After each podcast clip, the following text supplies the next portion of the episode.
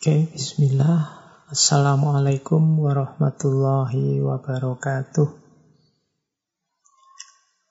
Bismillahirrahmanirrahim. Alhamdulillahirabbil alamin. Wa bihi nasta'inu ala umuri dunya waddin. Allahumma salli wa sallim wa barik ala habibina wa syafi'ina Sayyidina wa maulana Muhammadin wa ala alihi wa ashabihi wa man tabi'ahum bi ihsanin ila yaumiddin. Bismillah, mari kita lanjutkan ngaji kita. Meskipun malam hari ini hakikatnya kita masih ada dalam suasana prihatin karena kita masih ngaji online jarak jauh. Ya tentu saja ngaji semacam ini punya banyak kekurangan. Paling tidak kalau katanya orang Jawa ngajinya ndak bisa gayeng. Ndak bisa santai, ndak bisa saling bertatap muka. Saya bisa lihat kalau ngaji langsung itu kan bisa lihat wajahnya teman-teman sekalian ini paham maupun tidak dengan yang saya omongkan. Sudah capek apa belum, ngantuk apa belum, itu kelihatan. Tapi kalau ngaji online gini ya, saya tidak bisa menebak. Saya juga ngomongnya jadinya nggak bisa luas.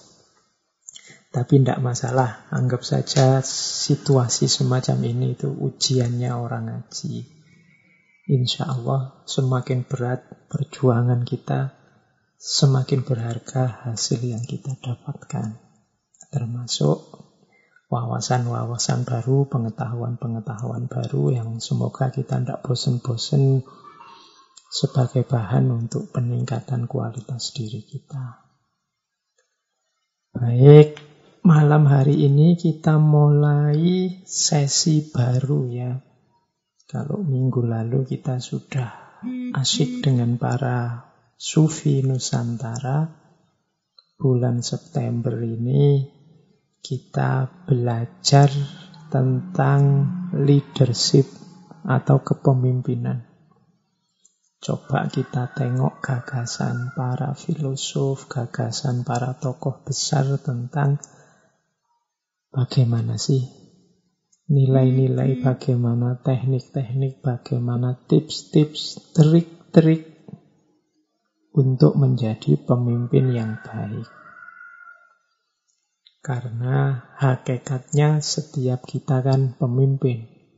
Tidak ada manusia yang bukan pemimpin. Meskipun kalau orang hidup di hutan gimana Pak? Tidak ada teman, tidak ada siapa-siapa, sendirian sama sekali. Pelek, tidak ada siapa pun ya. Itu pun tetap dia pemimpin, yaitu memimpin dirinya sendiri. Bahkan Kabarnya justru memimpin diri sendiri itu kan tidak mudah. Mengarahkan hidup kita sesuai ideal-ideal yang kita inginkan sendiri itu pun juga tidak mudah. Maka bulan ini kita coba belajar ya bagaimana cara mimpin yang baik. Mungkin para filosof bisa lebih dalam melihat teknik-teknik, tips-tips, cara-cara menjadi pemimpin yang baik. Bulan ini kita angkat empat tokoh. Ini sengaja saya campur dari barat, dari timur, dari Indonesia, dari Jawa kita angkat. Kita awali malam hari ini dengan beliau Aristoteles. Kemudian minggu depan kita bergerak ke zaman modern, ketemu filosof yang sering dinyinyiri gagasan-gagasannya Machiavelli. Kemudian minggu ketiga kita masuk ke dunia Islam ketemu seorang filosof muslim khususnya dari gagasan-gagasan politiknya yaitu Al-Mawardi dan nanti setelah itu kita bahas juga dari tradisi filsafat timur yaitu Lauzi atau Lauzu yang dikenal sebagai pendiri Taoisme. Beliau juga punya konsep-konsep kepemimpinan yang luar biasa. Dan ternyata bulan ini Rabunya tidak empat tapi lima, maka saya ambilkan satu tokoh terakhir, salah seorang raja pujangga Jawa, yaitu Kanjeng Gusti Pangeran Haryo Mangkunegoro Kaping Sekawan. Baik, kita mulai kajian bulan ini tentang kepemimpinan. Semoga banyak nanti ibroh-ibroh, nilai-nilai yang berharga yang bisa kita temukan sebagai bahan kita mimpin, setidaknya mimpin diri kita sendiri. Kalau dawuhnya kanjeng Nabi kan, kullukum ro'in wa kullukum mas'ulun an ro'iyati. Setiap dari kalian, katanya kanjeng Nabi itu pemimpin, dan nanti akan ditagih pertanggungjawaban kepemimpinannya. Berarti ya, kalau tadi saya bilang bahkan memimpin diri kita sendiri juga adalah sebentuk kepemimpinan, kita juga nanti akan ditagih, ditanya bisa ndak memimpin diri sendiri antara lain itu.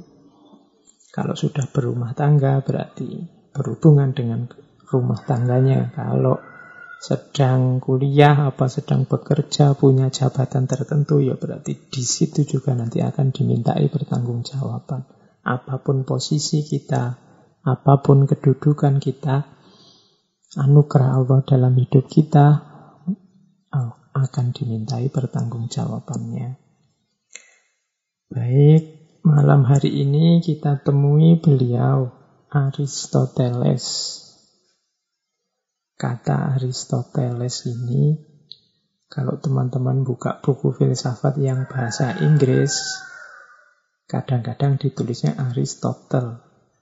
Tapi kalau versi Yunani-nya sendiri memang Aristoteles. Kalau bahasa Arab bahkan kadang ditulis Aristo, alif, ro, sin, to. Yang dimaksud ya beliau ini ya Aristoteles.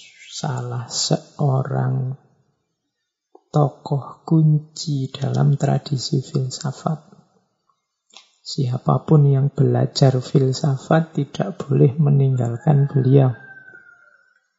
Ada asumsi yang bilang bahwa semua pikiran filsafat itu hanya catatan kaki. Semua pikiran filsafat itu hanya syarahnya gagasan tiga tokoh besar Yunani. Yang pertama Sok Sokrates, kemudian muridnya Plato, dan kemudian muridnya Plato, Aristoteles. Jadi tiga serangkai kunci tokoh filsafat.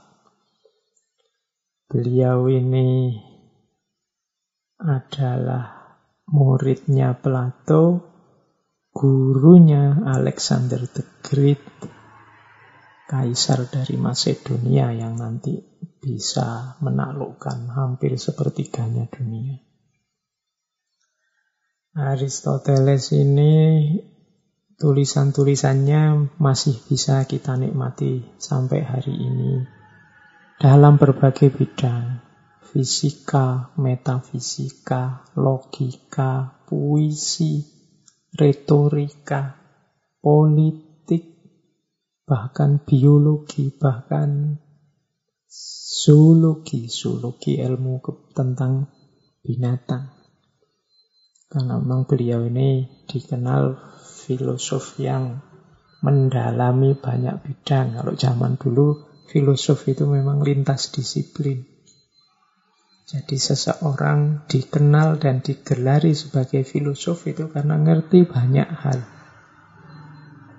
Kalau kita hari ini kan kadang-kadang ya kalau ngerti filsafat ya pasti tidak ngerti fisika, tidak ngerti biologi, tidak ngerti sosiologi, kadang-kadang malah tidak ngerti bidang-bidang yang dekat dengan filsafat. Ngertinya ya filsafat saja, logika saja.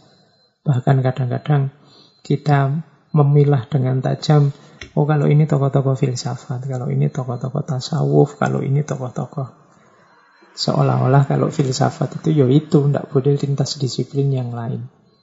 Ngaji kita ini kan sering ada yang tanya, lupa itu ngaji filsafat kok ada tasawufnya, kok ada sosiologinya, kok ada macam-macam kan tema kita kalau dalam ngaji.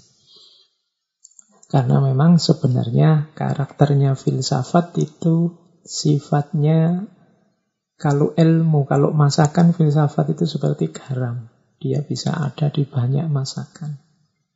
Makanya dulu filsafat itu disebut induknya segala ilmu. Kalau orang ingin berpikir mendalam, ya jalurnya filsafat tentang apa pun. Nah, maka para filosof dulu, tidak cuma filosof barat, filosof kuno Yunani, para filosof muslim pun banyak yang ilmunya lintas disiplin. Spesifikasi disiplin itu kan dikenal populer mulai periode modern di barat. Kalau dulu ya orang pinter itu biasanya pinter macam-macam. Oke. Aristoteles hidup 384 sampai 322 sebelum Masehi. Ayah beliau namanya Nikomachus.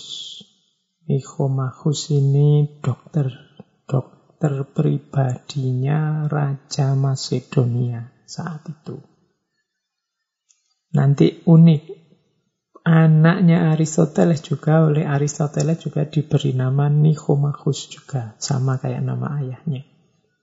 Karena ayahnya ini meninggal saat Aristoteles masih kecil ibunya juga meninggal saat masih kecil, nanti Aristoteles diasuh oleh suaminya kakaknya, jadi diasuh oleh kakak iparnya. Umur 17 tahun oleh kakak iparnya, Aristoteles ini dikirim kuliah sekolah di akademi yang didirikan oleh Plato di Athena. Nah, nanti Aristoteles ini menikah dua kali. Menikah yang pertama itu temannya adiknya. Menikah yang kedua, nanti istrinya meninggal. Kemudian menikah lagi yang dinikahi yang kedua ini kabarnya budaknya istrinya. Jadi kalau sekarang mungkin pembantunya istrinya yang meninggal. Nah dari istri yang kedua ini nanti dapat seorang putra yang diberi nama Nikomachus. Sayangnya putra ini meninggal waktu perang. Masih muda ikut perang kemudian meninggal. Nah, nama Nikomachus ini nanti diabadikan oleh Aristoteles dalam tulisannya tentang etika. Maka etikanya Aristoteles dikenal dengan nama Nikomachean atau etika Nikomachean. Kalau ada yang tanya Nikomachean itu apa Pak? Enggak, itu nama ayahnya sekaligus nama putranya. Aristoteles ini nanti setelah belajar pulang ke Macedonia, kembali ke sana karena kemasyhuran kepandaiannya dia nanti diangkat jadi guru privat putranya raja yang masih berumur 13 tahun, dialah Alexander the Great. Alexander the Great ini cucunya raja yang tadi ayahnya Aristoteles jadi dokter pribadinya. Nah, nanti Alexander ini diprivat oleh Aristoteles tapi setelah nanti Alexander naik tahta jadi raja, Aristoteles balik ke Athena dan membuka sekolahnya sendiri yang nanti dikenal dengan nama Lyceum. Jadi dari situ nanti dikenal gaya ngajar yang khas dari Aristoteles di Lyceum. Lyceum ini sekolah yang sifatnya terbuka. Jadi muridnya bebas mau sekolah sambil lesehan karena sifatnya outdoor, bawa makanan, bawa macam-macam. Nah, nanti sambil Aristoteles ini ngajarnya sambil jalan-jalan di sepanjang pilarnya sekolah. Lyceum ini punya dua sesi belajar, sesi pagi sama sesi siang. Materi-materi yang sulit diajarkan di sesi pagi. Nah, kalau yang lebih mudah diajarkan di sesi siang. Mungkin asumsinya kalau pagi kan seger, pikirannya masih jernih, maka diberi materi-materi yang sulit biar bisa masuk. Kalau siang mungkin sudah capek, diberilah materi-materi yang lebih mudah. Lah kalau ngaji ini kan malam, tambah ngeri lagi harusnya materinya yang paling gampang itu karena teman-teman mesti ini sambil ngantuk-ngantuk sambil setengah liar-liar diberi materi filsafat Ya enggak apa-apa, paling enggak jasanya ngaji kita kan bisa untuk pengantar tidur. Alhamdulillah lu orang masih bisa tidur. Oke, nah nanti Aristoteles ini akhir hidupnya sebenarnya agak kurang menyenangkan karena beliau mengasingkan diri, hidup di pembuangan. Karena setelah meninggalnya Alexander the Great, Aristoteles ini banyak dapat tuduhan. Dianggap memberontak lah, dianggap murtad kalau hari ini, melawan dewa-dewa dan macam-macam. Nah, Aristoteles ini begitu dirinya dituduh makar, dituduh murtad, terus lari meninggalkan kota, keluar kota, hidup di pembuangan. Nah, waktu ada yang tanya pada beliau, wahai Aristoteles, sampean kok lari? Kok ndak niru gurunya Socrates 76 tahun yang lalu Socrates juga dapat tuduhan yang sama dieksekusi meskipun kemudian namanya jadi besar. Jawabannya Aristoteles, aku tidak akan memberi kesempatan dua kali kepada orang-orang Athena untuk berbuat dosa kepada para filosof. Ini kalau dibiar-biarkan nasibnya mungkin seperti Socrates, tapi katanya Aristoteles, aku masih sayang dengan kalian orang-orang Athena. Jangan sampai Athena berbuat dosa dua kali kepada para filosof. Dan Aristoteles akhirnya hidup di pengasingan meninggal tahun 322 sebelum Masehi. Ini beliau tahun ini berarti usianya sekitar 62 tahun. Oke, baik teman-teman itu ya sebenarnya tidak perlu detail saya kenalkan. Beliau pastinya teman-teman juga sudah tahu dan pernah dengar tentang riwayat hidupnya Aristoteles. Beberapa kali kelihatannya juga sudah kita angkat tentang beliau yang masih saya ingat dulu kita pernah secara khusus membahas tentang keadilan dari Aristoteles. Sebelumnya juga pandangannya tentang etika, kalau saya tidak salah ingat. Berarti bagi yang ingin lebih dalam boleh nanti dicari rekaman-rekaman awal. Baik, kita mulai pandangan-pandangan Aristoteles yang berhubungan dengan kepemimpinan. Uh, tolong jangan keliru ya, nanti malam hari ini kita tidak bicara tentang politik menurut Aristoteles, tapi pemimpin yang baik menurut Aristoteles. Ini karena ada ranah yang berbeda nanti kalau kita membahas politiknya. Kapan-kapan kita bahas pasti tentang politiknya. Karena di antara konsep-konsep besar yang dibawa oleh Aristoteles adalah tentang politik atau politeia. Teman-teman yang belajar filsafat politik pasti akan belajar gagasan-gagasan politiknya Aristoteles. Hanya saja malam hari ini kita masih belum membahas itu, malam hari ini kita akan fokus membahas tentang bagaimana karakter bagaimana ciri seorang pemimpin yang baik.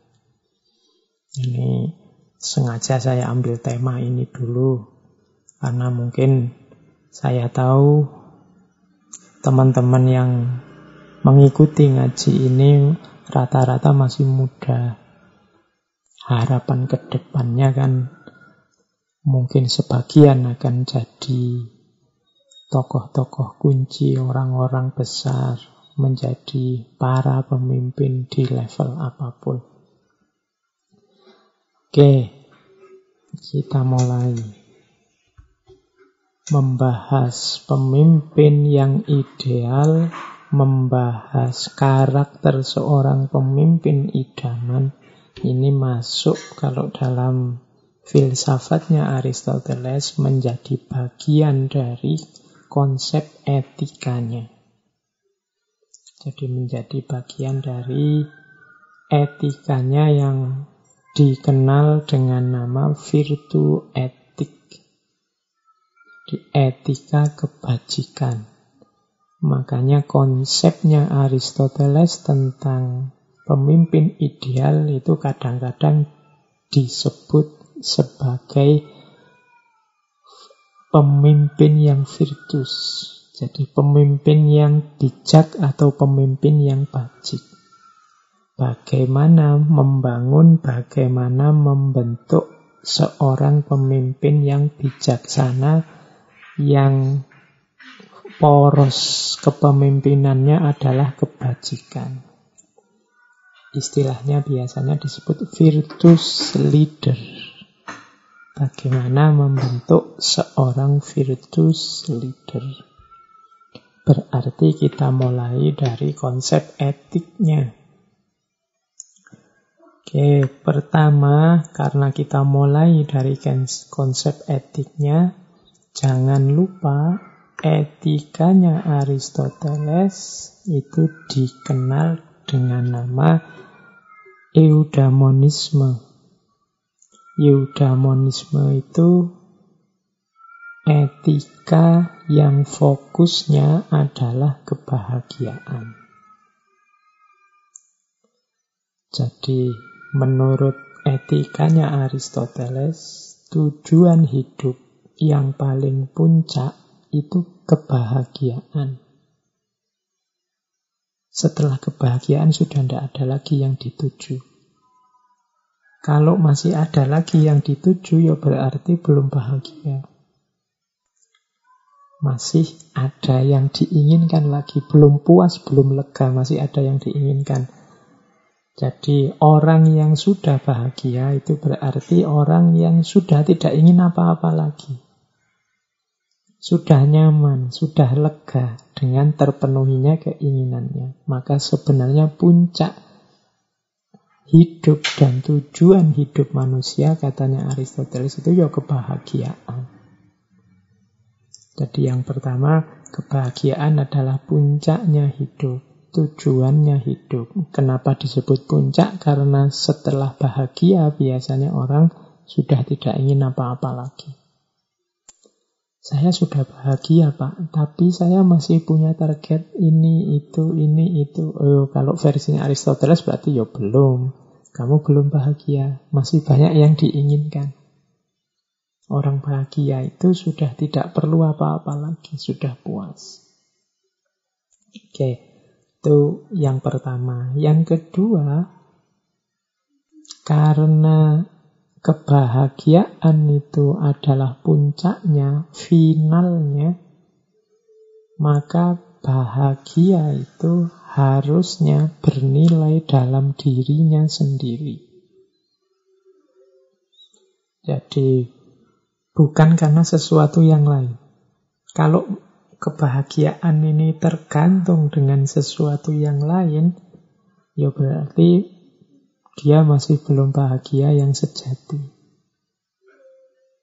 Jadi bahagia itu diinginkan karena dirinya sendiri bukan karena sesuatu yang lain. Misalnya begini, itu ilustrasi di bawahnya. Kita ingin makanan. Kita ingin makan misalnya. Apakah makan itu kebahagiaan? Makan tidak bisa disebut kebahagiaan. Kenapa? Karena makan kita lakukan karena ada target yang lain yang kita tuju. Misalnya kita ingin sehat. Oh, berarti makan ini bukan puncak karena masih ada yang lain yang kita inginkan. Oh, berarti dia tidak bernilai pada dirinya sendiri, tapi dia bernilai karena bersandar pada sesuatu yang lain seperti makan dan sehat. Sementara tadi kan rumusnya bahagia itu dia diinginkan dalam dirinya sendiri. Oke, jadi yang teori konsep kebahagiaan yang kedua, bahagia itu sesuatu yang bernilai dalam dirinya sendiri, bukan karena yang lain. Kalau kalian punya pasangan, punya pacar misalnya, kenapa engkau cinta padaku? Itu kalau masih ada sebutan yang lain dari cinta itu, berarti dia tidak bernilai dalam dirinya sendiri. Misalnya, oh karena engkau cantik, oh karena engkau apa menyenangkan oh karena engkau murah senyum oh karena engkau macam-macam masih ada karena engkau di luar cinta itu sendiri ya berarti itu namanya tidak bernilai dalam dirinya sendiri tapi bernilai karena hal lain di luar dirinya.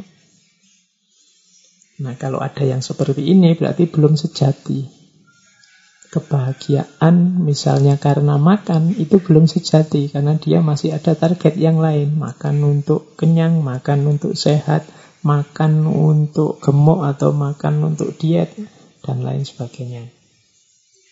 Oke. Nah lah terus apa pak yang bernilai dalam dirinya sendiri?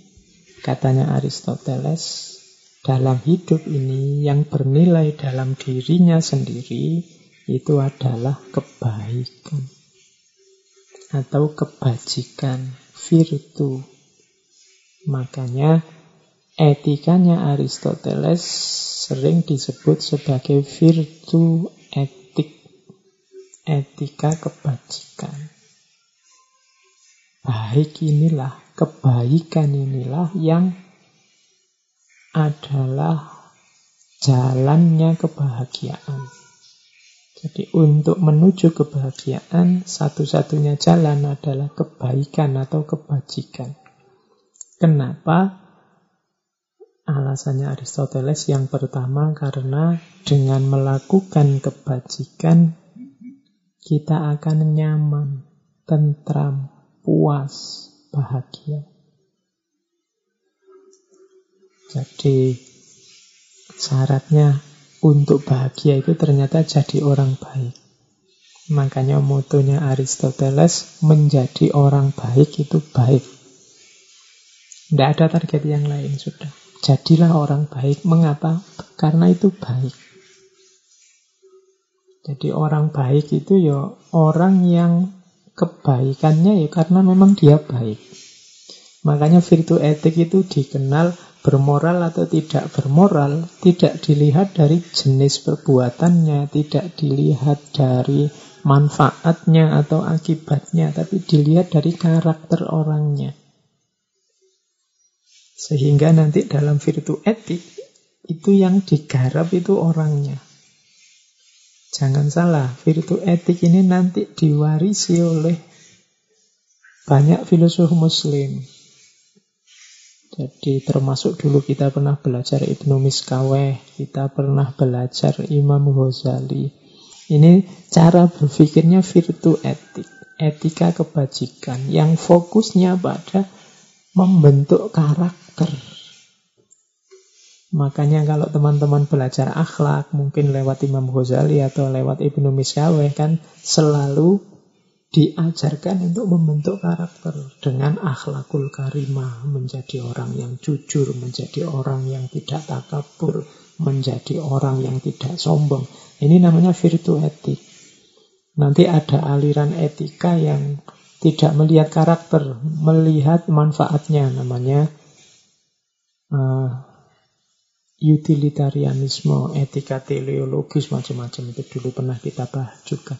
Yang ini beda dengan yang digagas oleh Aristoteles ini. Bagi Aristoteles ya kebaikan itu pertama-tama dilakukan dengan membentuk orang jadi orang baik. Kalau orang sudah dibentuk berkarakter baik, yang keluar dari dirinya itu juga adalah kebaikan. Jadi menjadi orang baik itu baik.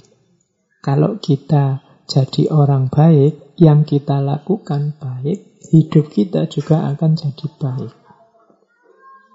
Nah, inilah virtu etik, etika kebaikan. Ini yang disebut dia bernilai dalam dirinya sendiri. Mengapa engkau membantu orang lain? Ya karena membantu orang lain itu baik. Kalau masih ada pamrih-pamrih, saya bantu orang lain itu Pak. Biar dapat imbalan, penghormatan, biar dapat imbalan nama baik atau biar nanti pahalanya dikali lipatkan. Kalau masih ada pamrih-pamrih di luar kebaikan itu sendiri, berarti kita masih namanya belum tulus, belum baik yang sejati. Maka jadilah orang baik yang sejati, melakukan kebaikan ya hanya karena itu baik. Mengapa engkau sodako bantu orang lain? Ya karena sodako itu baik, Pak. Jawabannya cuma itu saja titik. Tidak ada tujuan lebih jauh, tidak ada target lebih jauh. Berarti kita orang baik. Jadi orang baik itu orang yang melakukan kebaikan karena itu memang baik.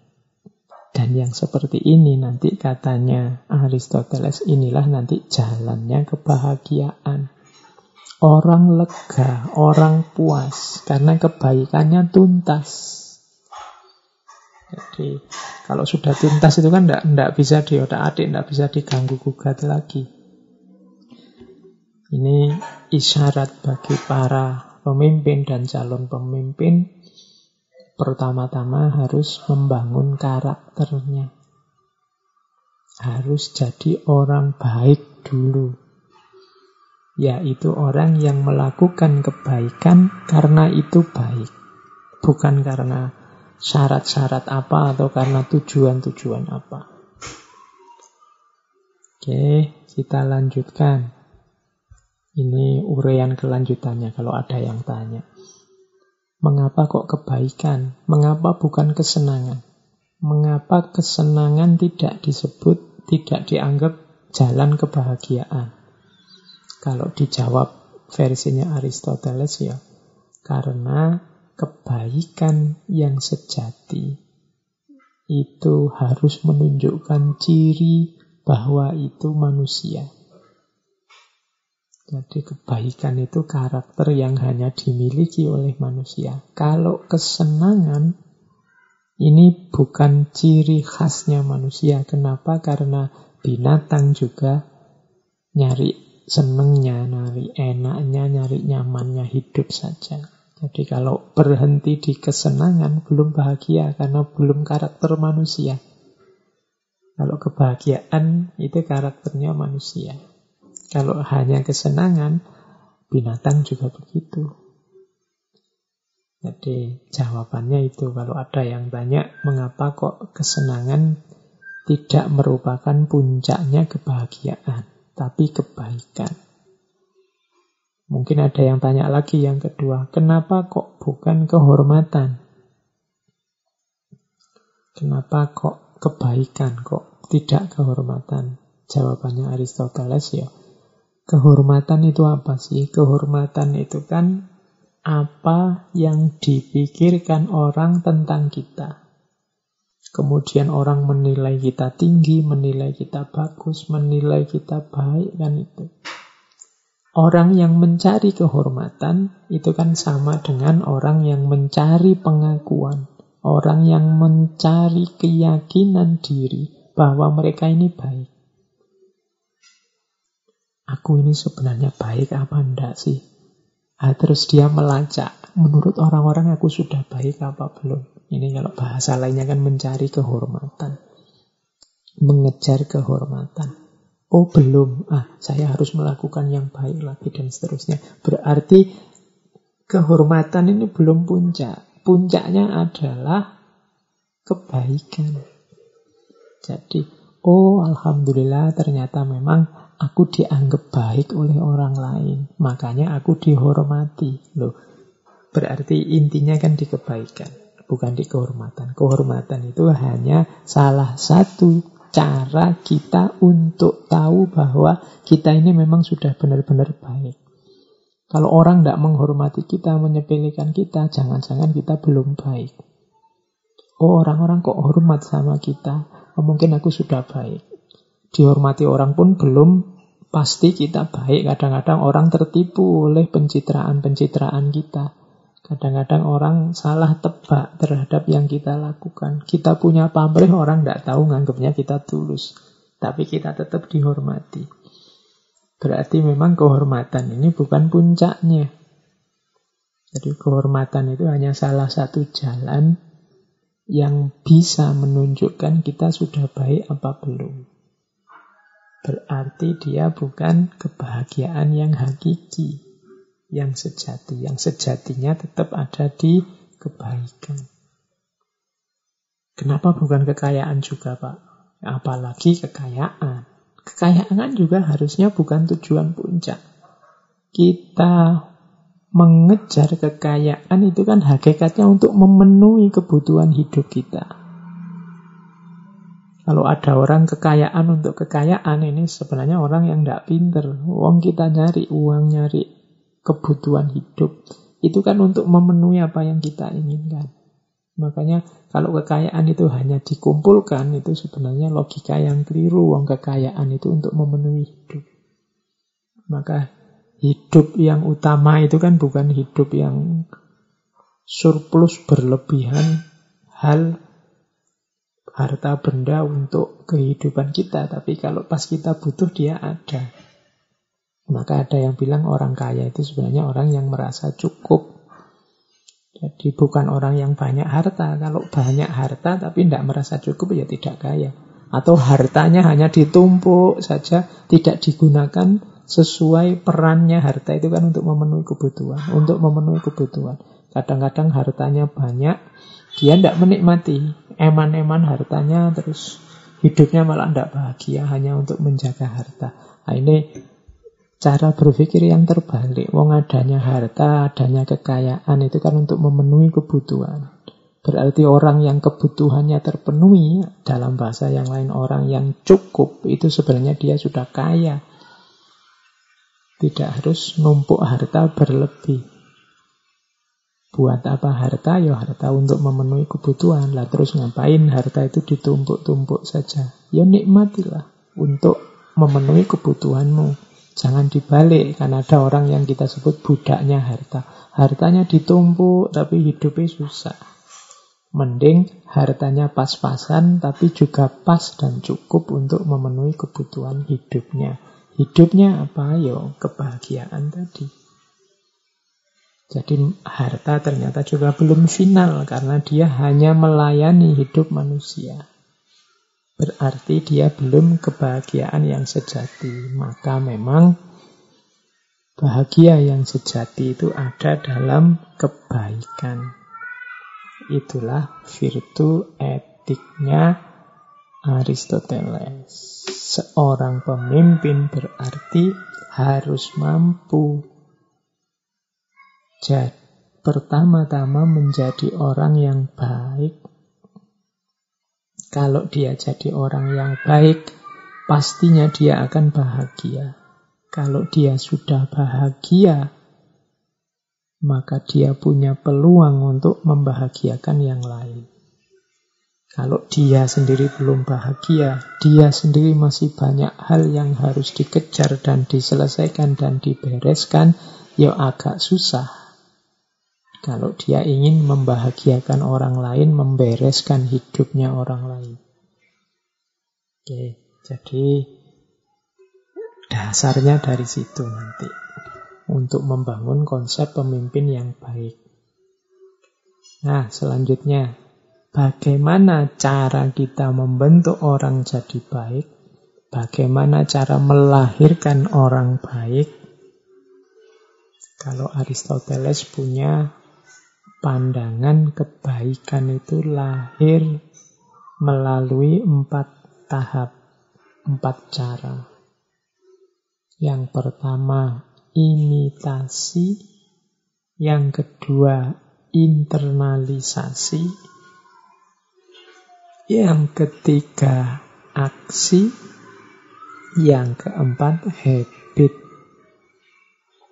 Oke, imitasi ini berarti tahap paling awal, paling mudah, yaitu niru-niru. Kita dulu waktu kecil niru bapak ke masjid. Niru bapak bantu orang lain, tetangga ikut kerja bakti. Niru bapak, itu niru. Atau kalau nggak niru bapak, ya niru ibu, atau niru guru, atau niru tetangga, atau niru idola yang kita pahami. Ini level imitasi. Masih niru. Kalau niru ini masih hanya ikut-ikutan. Belum mengerti arahnya ke mana, alasannya apa, tujuannya ke mana, hakikat perbuatannya seperti apa, wong hanya niru. Namanya imitasi ini untuk yang baru terjun ke dunia orang baik, dunia kebaikan, biasanya yang dilakukan yang paling mudah yaitu niru. Kemudian ada saatnya internalisasi. Internalisasi itu mulai dicerna oleh pikirannya, mulai dikunyah, mulai dipertimbangkan. Ini memang baik benar apa enggak? Ini memang cocok sudah sesuai, sudah seharusnya atau tidak. Nah, ini level 2, internalisasi. Dulu kita, kalau kita kan sering bikin pernyataan, kenapa engkau muslim, kenapa dia muslim, ya awalnya memang imitasi. Ikut orang tua, ikut lingkungan sekitar. Tapi tidak usah pesimis. Wah berarti Islamnya hanya Islam ikut-ikutan. Enggak. Orang itu biasanya setelah imitasi masuk ke ranah internalisasi. Wong ya dia manusia, bisa mikir, punya hati, bisa mengolah pengetahuan, bisa mengelola hal-hal yang masuk dalam dirinya. Jadi setelah imitasi yang terjadi internalisasi. Dulu ya Islamnya ikut orang tua. Tapi sekarang saya tahu Islam itu ternyata memang baik. Islam itu ternyata memang sejati, memang benar. Itu terjadi internalisasi ketika akal jalan, pikiran jalan, wawasan tambah luas, tambah dewasa, terjadi internalisasi. Setelah internalisasi, lahirlah aksi. Yang beneran ini aksi versiku. Kalau tadi masih imitasi, masih niru-niru, sekarang aksinya sudah tindakanku sendiri, hasil karyaku sendiri. Dengan pertimbanganku sendiri, ini namanya aksi. Dulu sholat hanya ikut bapak ke masjid. Sekarang berangkat sendiri ke masjid karena sudah tahu kalau masjid itu baik. Ini sekarang lahir aksi. Aksi ini kalau diulang-ulang terus akan jadi habit. Kalau sudah jadi habit, inilah namanya karakter mendarah daging. Kalau aksinya tadi kebaikan, kebaikan, kebaikan, lahirlah habit kebaikan dalam dirinya, karakter kebaikan dalam dirinya, lahirlah orang baik. Berarti orang baik itu adalah orang yang habitnya kebaikan. Orang yang karakternya adalah kebaikan. Jadi lahirnya orang baik itu kapan? Ternyata tidak ketika dia melakukan kebaikan, tapi ketika kebaikan ini jadi habit. Kalau sudah jadi habit, dia mendarah daging. Kalau bahasanya Ibnu Miskawe atau Imam Ghazali, dia akan keluar secara spontan. Jadi pemimpin yang baik adalah pemimpin yang punya karakter baik, berarti dia harus punya habit yang baik. Kalau bahasa agama punya akhlak yang baik. Cirinya akhlak apa? Keluarnya sejadi spontan. Kapan dia bisa jadi habit dan keluar spontan? Berawal dari aksi yang berulang-ulang lama-lama mendarah daging. Jadi yang spontan tidak bisa. Spontan melakukan kebaikan. Itu jenisnya sudah kebaikan, tapi belum jadi karakter, belum jadi watak. Jadi tadi ada imitasi. Imitasi ini sebenarnya perbuatannya juga sudah baik. Hanya saja masih niru orang lain. Kalau masih niru kan belum bernilai dalam dirinya sendiri. Masih bersandar pada luar dirinya. Setelah itu internalisasi. Internalisasi ini berarti memasukkan dalam diri, setelah itu dilakukan. Aksi. Dari aksi nanti jadi habit. Ketika aksi yang baik ini diulang-ulang. Maka kebaikan-kebaikan insidental itu belum bisa kita sebut mencerminkan akhlak yang baik. Biasanya yang insidental itu muncul karena kepentingan-kepentingan tertentu. Kebaikan itu sejati kalau sudah mendarah daging, jadi karakter. Di situlah lahir orang baik, orang yang karakternya baik. Jadi di situ nanti keluarlah konsep virtu etik, etika kebajikan, etika kebaikan. Nanti dari sini bisa kita asumsikan, oh berarti pemimpin itu kita harus mencari orang baik. Orang baik adalah orang yang karakternya baik. Karakter baik itu lahir dari kebaikan yang mendarah daging. Kebaikan mendalam mendarah daging ketika dia dilakukan berulang-ulang sehingga keluar otomatis spontan dalam diri orang itu selalu kebaikan. Nah, dari sini mulai bisa kelihatan arah pemimpin yang baik yang diinginkan oleh Aristoteles. Kemudian mulai kita lebih menukik ke konsep pemimpin yang baik lewat pandangannya Aristoteles terhadap yang disebut Cardinal Virtus. Cardinal Virtus itu kebaikan-kebaikan yang paling utama. Mungkin sejak tadi teman-teman kan tanya, Pak, sejak tadi bolak-balik ngomong kebajikan, ngomong kebaikan. Apa sih kebaikan itu? Nah, kebaikan itu antara lain ini loh. Yang paling utama. Cardinal Virtus kebaikan yang paling utama. Ada empat cardinal virtus. Yang pertama prudence, yang kedua temperance, yang ketiga courage, yang keempat justice. Ini dalam bahasa Inggris. Indonesianya prudence itu berarti bijaksana. Atau pakai istilah lain practical wisdom. Ini sebenarnya kuncinya nanti kepemimpinan itu butuh kebijaksanaan. Nanti practical wisdom ini kita jelaskan panjang lebar. Yang kedua temperance. Temperance itu moderasi. Self control, kemampuan mengontrol diri. Itu namanya temperance. Sederhana, tidak Kekurangan juga tidak berlebihan pas, mampu ngontrol dirinya. Yang ketiga, berani, courage.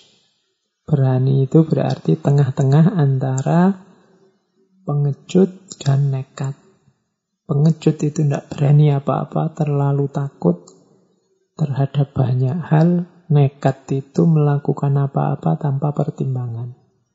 Tengah-tengahnya apa? Courage, berani. Dan yang keempat, justice. Justice ini keadilan. Adil. Kalau ini luas uraiannya. Kita sudah membahas tentang justice ini satu sesi penuh. Silakan dicari ketika kita membahas filsafat keadilan selama satu bulan. Antara lain tokoh yang kita angkat Aristoteles. Bagaimana pandangan Aristoteles tentang keadilan. Nah, berarti apa? Pemimpin yang baik harus punya cardinal virtus ini. Sebelum aneka jenis kebaikan yang lain empat kualifikasi ini harus dimiliki. Bijaksana, kemudian moderat, kemudian berani, kemudian adil. Bijaksana atau practical wisdom, kemudian temperance atau self-control atau moderate. Jadi hidup yang pas takarannya tidak kurang dan tidak lebih. Itu temperance, kemudian courage, berani, dan justice, adil. Kita lanjutkan. Dari empat ini, kunci yang sering disebut orang sebagai kunci leadership adalah practical wisdom atau phronesis. Jadi Aristoteles ini punya pandangan wisdom itu ada dua. Yang pertama theoretical wisdom, yang kedua practical wisdom. Yang theoretical wisdom kita kenal sebagai Sophia. Yang itu nanti lahirnya filsafat itu kan karena cinta pada Sophia, love of wisdom. Ini masih teoritis, theoretical wisdom. Makanya filsafat itu kan banyak bermain di ranah teoritis, berpikir, bernalar, berlogika, dan lain sejenis itu. Itu namanya theoretical wisdom atau Sophia.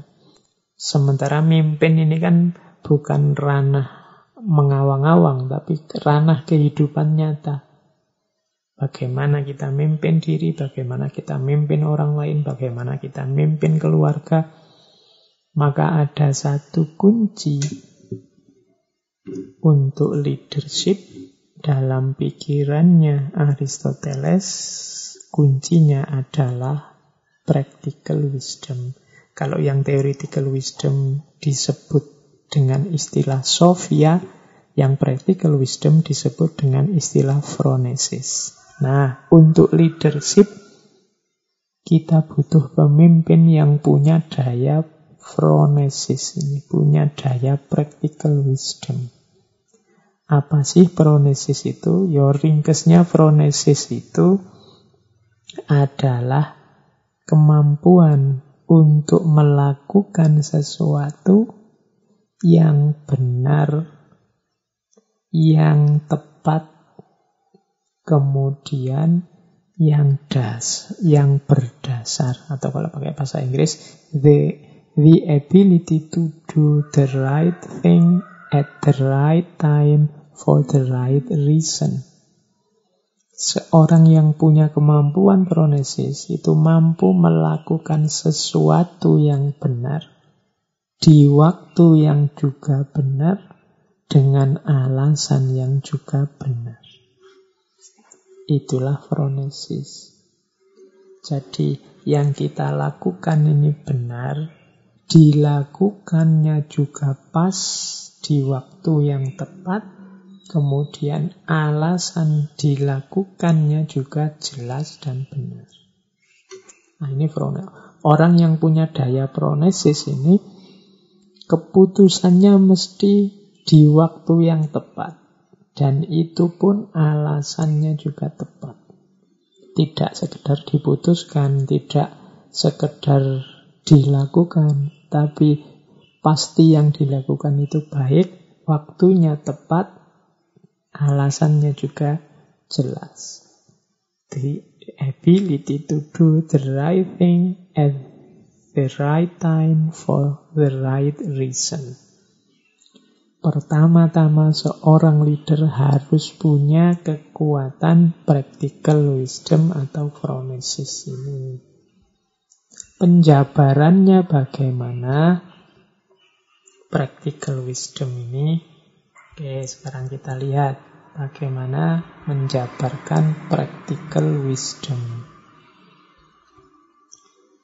Practical wisdom ini Berarti dia adalah kombinasi antara rasio, kemudian tindakan, kemudian etika. Rasio ini akal, yang punya daya untuk menangkap yang benar, tindakan ini berhubungan dengan actionnya, aktivitas di dunia nyatanya, penerapannya, etika ini berhubungan dengan ketepatan waktunya, ketepatan alasannya, ketepatan jenis tindakannya, ketepatan motifnya, dan lain sebagainya. Jadi, akal dipakai untuk menangkap kebenaran, etika untuk memastikan kebaikannya, dan tindakan atau action untuk memastikan bahwa ini dijalankan, tidak cuma diteorikan. Phronesis itu gabungan dari rasio, tindakan, etika. Berarti apa? Phronesis itu ya pengetahuan, ya tindakan, ya pemahaman terhadap situasi. Jadi dari rasio kan lahir tentang pengetahuan yang benar.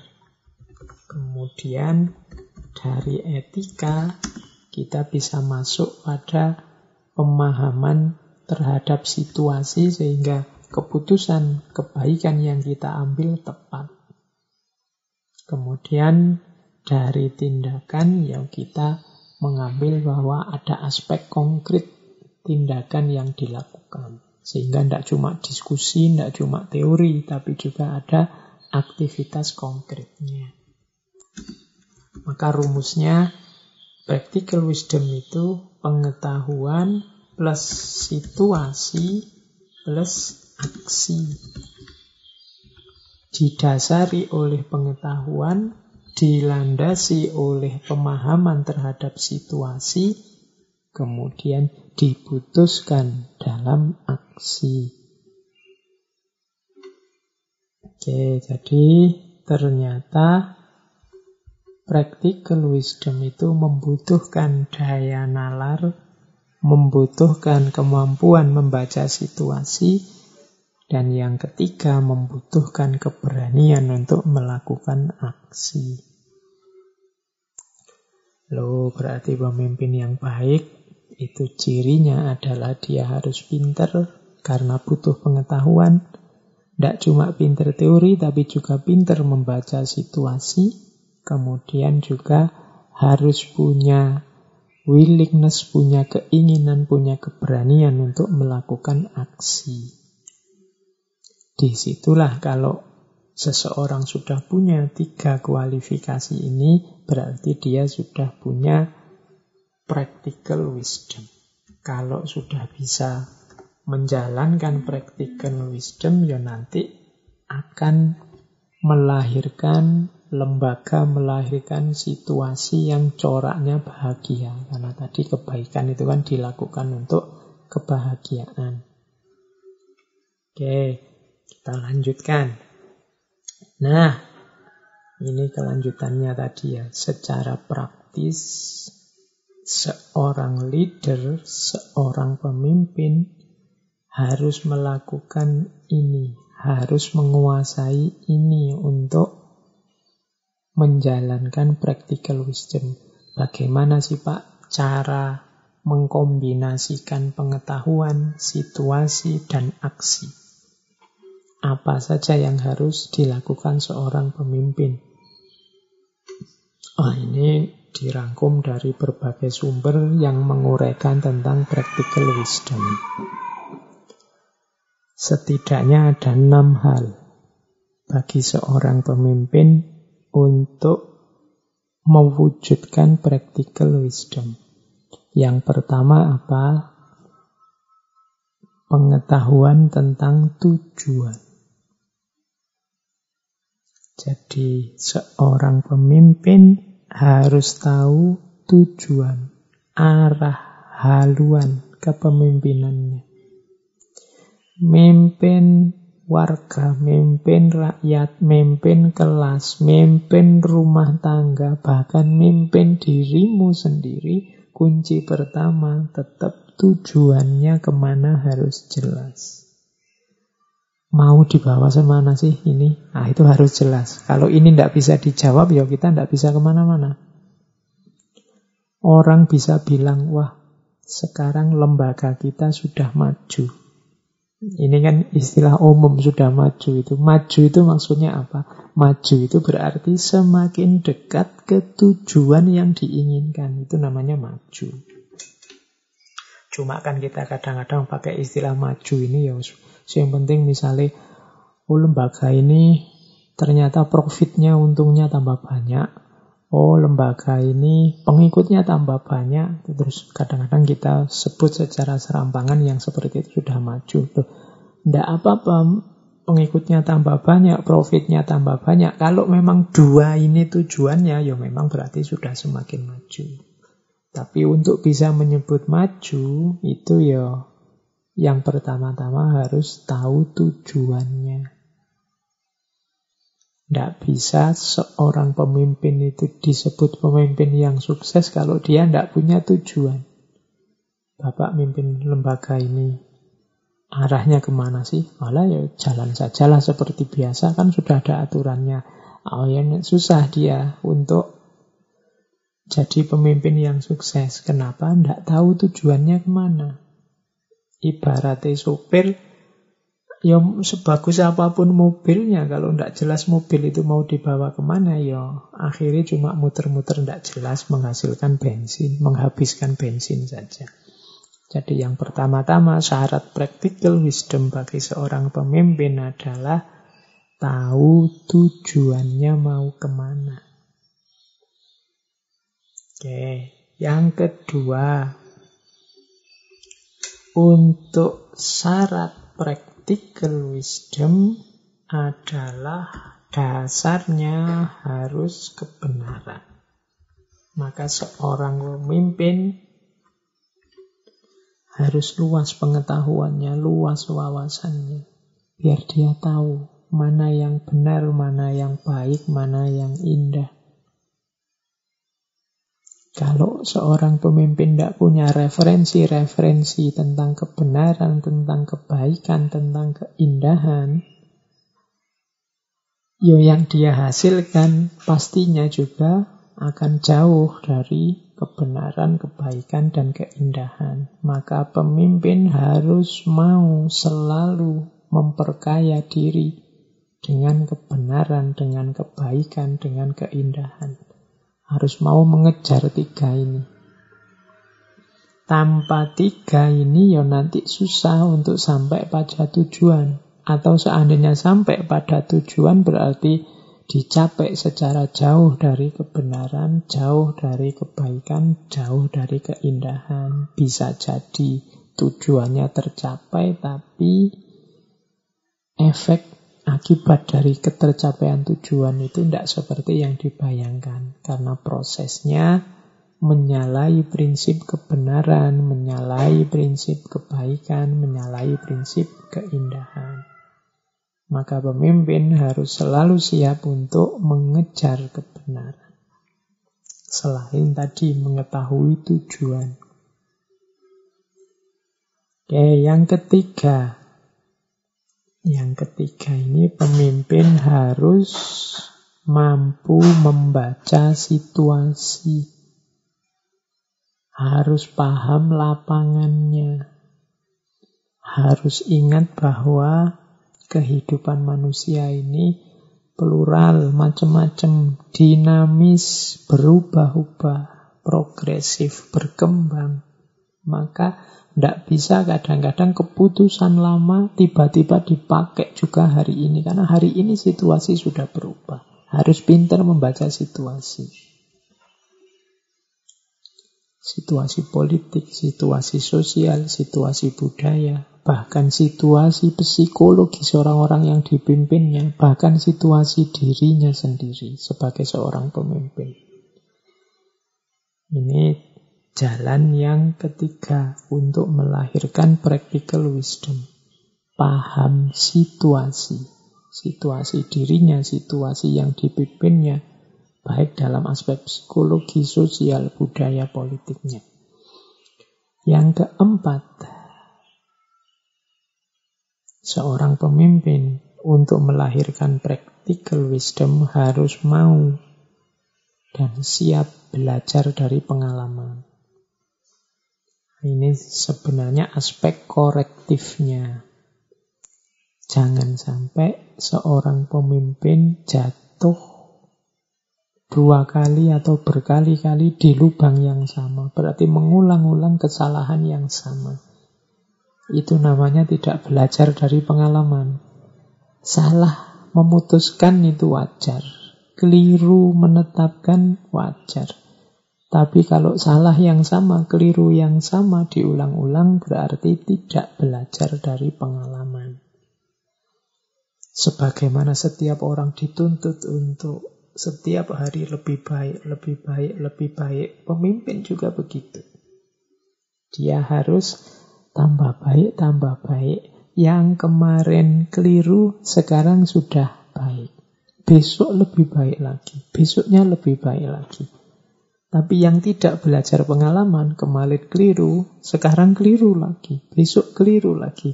Nah, ini berarti pemimpin yang tidak punya practical wisdom. Tidak punya kebijaksanaan praktis. Itu yang keempat. Tentang ciri pemimpin yang bisa melahirkan practical wisdom. Yang kelima, kalau ini dalam bahasa Inggris yang mampu bermain devil advocate dan mengambil keputusan yang sesuai. Ini sebenarnya istilahnya agak ngeri, agak trik. Tapi maksudnya begini. Pemimpin yang baik itu pemimpin yang mampu menawarkan banyak alternatif-alternatif kebaikan yang mungkin dilakukan. Jadi pemimpin yang baik itu kalau ada masalah, dia bisa, oh masalah ini bisa selesai dengan cara A, bisa selesai dengan cara B, bisa selesai dengan cara C. Nah itu biasanya ada namanya devil advocate. Devil advocate itu mancing orang untuk gimana kalau A saja, kira-kira gimana, kalau B gimana, kalau C gimana, terus orang saling diskusi, saling debat, kemudian si pemimpin ini bisa, oh kalau argumen ini kurang kuat, kalau argumen itu lebih kuat, oh kalau yang ini mungkin lebih efektif. Jadi pemimpin yang punya practical wisdom mampu merumuskan banyak solusi untuk satu masalah dan bisa menggali Mana yang baik, mana yang tepat, mana yang sesuai. Itu diistilahkan kadang-kadang dengan devil advocate. Devil advocate itu kayak pengacara setan kalau makna letter luck-nya. Cuma ini maksudnya devil advocate di sini itu dia mengajukan beragam kemungkinan solusi seperti pengacara itu dia kalau ada masalah itu dia bisa menawarkan banyak solusi, bisa A, bisa B, bisa C, kemudian masing-masing diuji kekuatannya, dan dari situ dia tahu, oh berarti yang paling kuat ini. Keputusan akan saya ambil yang ini. Nah, itu jadi berani mengambil keputusan, berani menawarkan solusi, dan siap mendengarkan usulan-usulan, argumen-argumen, masukan-masukan. Inilah pemimpin yang baik, yang mampu menjalankan practical wisdom. Yang keenam adalah memahami common sense. Ini sebenarnya mirip dengan yang ketiga tadi mampu membaca situasi. Di antara situasi yang harus dipahami oleh seorang pemimpin adalah common sense. Common sense itu kebaikan-kebaikan, kebenaran-kebenaran yang sudah berjalan di tengah masyarakat, sudah disepakati. Itu namanya common sense. Nah, pemimpin yang baik harus ngerti ini. Jangan memutuskan sesuatu yang asing sama sekali atau dengan media yang tidak disepakati, tidak disenangi oleh yang dia pimpin. Nah, ini jalan yang keenam. Bahwa untuk melahirkan practical wisdom, seorang pemimpin di hadapan yang dipimpin, dia harus mampu memahami common sense-nya mereka. Kebaikan-kebaikan, kebenaran-kebenaran yang sudah inherent disepakati berjalan selama ini harus dipahami. Dipahami tidak selalu dalam rangka diikuti. Mungkin dalam hal tertentu common sense-nya dikritisi, tidak masalah. Tapi pemimpin harus paham dulu apa itu common sense. Oke, itulah kebijaksanaan-kebijaksanaan seorang pemimpin ketika dihubungkan dengan practical wisdom. Kita lanjutkan. Sekarang kita masuk ke prinsip-prinsip kepemimpinan. Nah, setelah ini kita akan ngomong banyak sekali pandangan-pandangan Aristoteles yang penting dijadikan prinsip oleh seorang pemimpin. Tidak cuma memimpin yang di luar diri, tapi juga memimpin diri kita sendiri. Kita mulai leadership prinsip. Ada banyak prinsip yang malam hari ini saya bawa meskipun sebenarnya sangat banyak yos pikiran-pikiran para filosof khususnya yang berhubungan dengan pembangunan, pembentukan karakter manusia itu sebenarnya ya semuanya masuk kalau mau kita jadikan prinsip seorang leader, seorang pemimpin yang baik. Termasuk gagasan-gagasan dari Aristoteles. Maka kita lihat malam hari ini sebagian dari prinsip-prinsip itu yang menurut saya penting membangun kualitas leader yang baik. Karena saya lihat sering kali ada orang yang mengeluh, bahkan mungkin teman-teman sendiri ya kadang-kadang mengeluh. Misalnya di Indonesia ini ada sangat banyak orang pinter, jumlah rakyatnya juga ratusan juta, Kadang-kadang ada keluhan milih pemimpin yang baik itu loh kok susah. Oke, daripada kita mengeluh begitu, mari sekarang kita bentuk saja diri kita punya kualifikasi pemimpin yang baik. Paling tidak pemimpin yang baik untuk diri kita sendiri. Atau kalau ada di sini yang guru, mungkin dosen, mungkin ustadz, atau anak-anak muda yang punya gairah untuk masa depan yang cemerlang, maka prinsip-prinsip ini penting untuk kita pahami dalam rangka membangun diri kita sebagai seorang leader yang baik. Oke ya, kita mulai dari prinsip yang pertama. Ini quotes dari Aristoteles yang banyak dikutip orang, knowing yourself is the beginning of wisdom. Mengetahui dirimu sendiri adalah awal dari kebijaksanaan. Prinsip leadership yang pertama dan yang harus sebenarnya dilakukan oleh siapa pun tidak cuma yang punya ambisi jadi leader adalah knowing yourself. Mengetahui diri, mengenali diri. Karena tidak mungkin orang bisa bijaksana kalau dirinya saja dia tidak kenal, tidak ngerti. Knowing yourself is the beginning of wisdom. Kalau kita kenal diri kita, manfaat paling dekat. Kalau manfaat jauhnya kan kemarin man arofa nafsahu fakot arofa robahu. Ini manfaat jauhnya kalau kita kenal sangat dalam dengan diri kita pada akhirnya kita bisa mengenali beradaan Tuhan. Tapi yang paling dekat adalah kalau kita kenal diri kita sendiri, kita akan mampu untuk bersikap bijaksana. Khususnya terhadap diri kita sendiri juga. Kalau teman-teman mengenali diri misalnya gini, oh aku ini orangnya sensitif, aku ini orangnya baperan. Tidak bisa ada orang ngomong jelek sedikit saja tentang aku, wah darahku naik, mataku merah. Itu kan kenal. Oleh karena itu, cobalah aku tidak terlalu banyak terlibat di forum-forum yang isinya saling celah, saling kritik, tidak kuat aku itu mudah panas. Oh ini kan kamu jadi bijaksana. Kenapa kamu bisa bijaksana seperti ini? Karena tadi kamu ngerti dirimu, aku ini mudah tersinggung, aku ini mudah marah. Berarti terus dia mengambil kebijaksanaan untuk menjauh dari hal-hal yang mungkin membuatnya tersinggung. Nah, ini prinsip pertama seorang pemimpin. Dia harus kenal dirinya sendiri. Oh, aku ini lemah, mudah dihasut, mudah diprovokasi.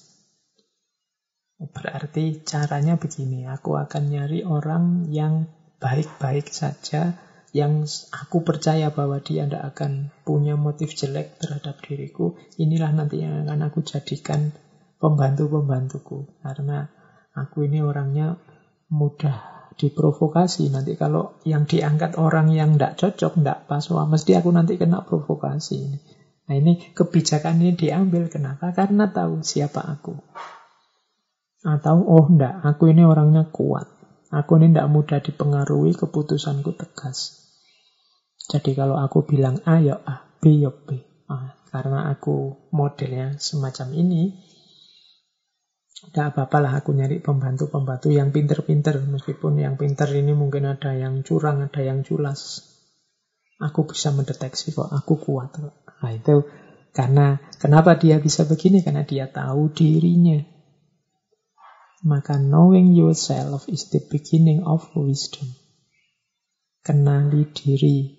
Ah, sebenarnya ya mengenali diri tidak nunggu kalian jadi pemimpin Pemimpin tidak pemimpin, kalau ingin hidupmu beres, ya harus knowing yourself. Mengenali diri.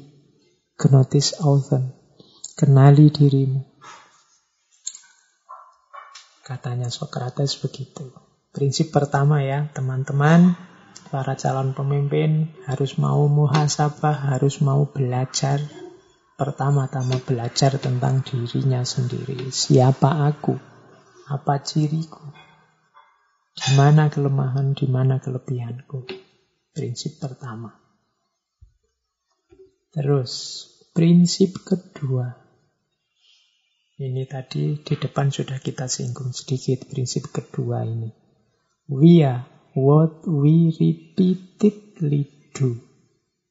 Excellence then is not an act, but a habit. Diri kita ini adalah apa yang kita lakukan berulang-ulang. Kesempurnaan oleh karena itu bukanlah sejenis tindakan, tapi satu kebiasaan. Ini di depan tadi sudah kita jelaskan. Kalau ingin jadi pemimpin yang baik, bentuklah karakter diri atau habit kita jadi orang yang baik. Berarti siapa kita itu tergantung habit. Dan apa itu habit? Habit adalah apa yang kita lakukan berulang-ulang. Maka katanya uh, Aristoteles, we are what we repeatedly do. Kita itu apa yang kita lakukan berulang-ulang. Jadi kesempurnaan itu bukan pas kita melakukan apa, tapi apa yang kita lakukan berulang-ulang. Yang istiqomah ngaji, oh, berarti kan ngaji yang berulang-ulang. Itu akan jadi habit kita. Karena ngaji itu baik, berarti kita sedang membentuk diri jadi orang baik. Yang istiqomah sholat malam. Nah, ini berarti dia melakukan sholat malam secara kontinu berulang-ulang. Karena sholat malam ini kebaikan, berarti apa? Dia sedang membentuk dirinya dan dirinya akan terbentuk jadi orang baik. Nah, mulai sekarang ayo teman-teman di muhasabahi dirinya. Ada ndak kebaikan yang kita istiqomahkan? Itulah dia yang nanti akan jadi kunci karakter kita. Dia akan jadi habit. Makanya setiap kali mulai ngaji, sering sekali saya tekankan untuk ayo kita istiqomah ngaji dong. Kenapa? Karena ngaji kan ini baik. Jadi karena ngaji itu baik, maka kalau diulang-ulang, dia akan jadi habit. Kalau habit yang tertanam adalah baik, ya karakter kita akan jadi orang baik. Pemimpin juga begitu. Dia terbentuk melalui apa yang berulang-ulang dia lakukan. Tips kedua bagi seorang pemimpin yang baik, pemimpin yang unggulan adalah dilihat dari yang berulang-ulang dia lakukan. Di situlah nanti karakternya. Ini nasihat buat teman-teman muda khususnya yang gampang bosen. Saya tidak tahu hari ini teman-teman asiknya apa yang berulang-ulang tiap hari dilakukan apa. Jangan-jangan medsosan, jangan-jangan apalagi ngopinya, jangan-jangan lu ngopi kan baik pak iya, ngopi baik, tapi kan ada banyak hal yang lebih baik. Wong saya HP-nan itu kan silaturahim Pak. Medsos itu kan menjalin silaturahim. Ya. Tapi ya, mungkin ada yang lebih baik. Kamu cari yang lebih utama, yang lebih utama seperti tadi rumusnya. Yang tulus tidak karena yang lain tapi dia bernilai baik dalam dirinya sendiri. Ya, yang kedua ini. Jadi what we repeatedly do. Maka seorang pemimpin harus membangun karakter yang baik dengan mengulang-ulang hal baik. Yang ketiga, happiness belongs to the self-sufficient. Kebahagiaan itu milik yang merasa cukup. Self-sufficient itu merasa aku sudah cukup aku sudah bisa, aku itu biasanya orang bahagia sudah kalau sudah merasa ya yang kuinginkan sudah terpenuhi yaitu self sufficient. Ini parameter kebahagiaan yang mudah kita jangkau adalah self sufficient. Berarti orang yang self sufficient itu orang yang mandiri. Orang yang sudah puas dengan dirinya sendiri, tidak lagi butuh, tidak lagi tergantung dengan yang lain. Pemimpin yang bahagia berarti juga pemimpin yang self-sufficient. Pemimpin yang merasa cukup dengan dirinya, pemimpin yang mandiri, tidak tergantung dengan yang lain. Karena ketergantungan mengindikasikan ketidakmandirian. Kalau tidak mandiri berarti susah bahagia karena tergantung sama yang lain. Jadi ini prinsip yang ketiga, harus mandiri. Self-sufficient. Di situ nanti orang bisa bahagia. Prinsip kepemimpinan yang ketiga. Prinsip kepemimpinan yang keempat. Ini juga salah satu quotes-nya Aristoteles. Through discipline comes freedom. Melalui kedisiplinan akan datang kebebasan. Ini saya tidak tahu ya kadang-kadang kita sering mengkritisi diri kita sendiri Orang Indonesia itu susah sekali disiplin. Ada banyak orang yang bilang seperti itu. Saya tidak akan menguji benar atau tidak omongan itu, tapi yang jelas ingat-ingatlah bahwa memang disiplin adalah kunci. Jadi disiplin itu memang tidak enak, memang tidak bebas. Karena disiplin itu kan kita harus A, harus B, harus C urut, kemudian tertib, kemudian sesuai aturan, kemudian apa di arah yang sudah ditetapkan itu namanya disiplin. Tapi katanya Aristoteles justru yang disiplin inilah nanti yang akan membuahkan kebebasan. Disiplinnya memang agak ketat, tidak bebas, tapi buahnya kedisiplinan itu justru kebebasan. Teman-teman disiplin belajar. Akhirnya menemukan kebebasan dengan kelulusan. Yang males belajar, tidak nemu kebebasan yang namanya kelulusan itu. Disiplin, apa wes? Santri misalnya disiplin, tahfidz, disiplin, hafalan. Akhirnya menemukan kebebasan dengan hafal Al-Quran, hafal Al-Quran. Tapi yang tidak disiplin padahal sudah niat lo mau hafalan. Tapi tidak disiplin, akhirnya ya tidak apal-apal. Tidak nemu kebebasannya. Kalau kalau sudah hafal kan bebas dia. Nah itu through discipline comes freedom. Ini prinsip yang harus dipahami oleh seorang leader.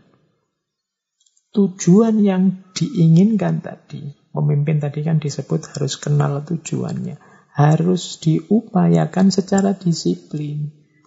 Ya memang dalam upaya mencapai tujuan ini banyak sandungan-sandungan, banyak kesulitan, tapi tetaplah disiplin. Kalau sudah disiplin akan ketemu kebebasan. Oh, sudah kena sekarang tujuannya, sekarang bisa bikin target yang baru, bisa bikin tujuan yang baru. Through discipline comes freedom.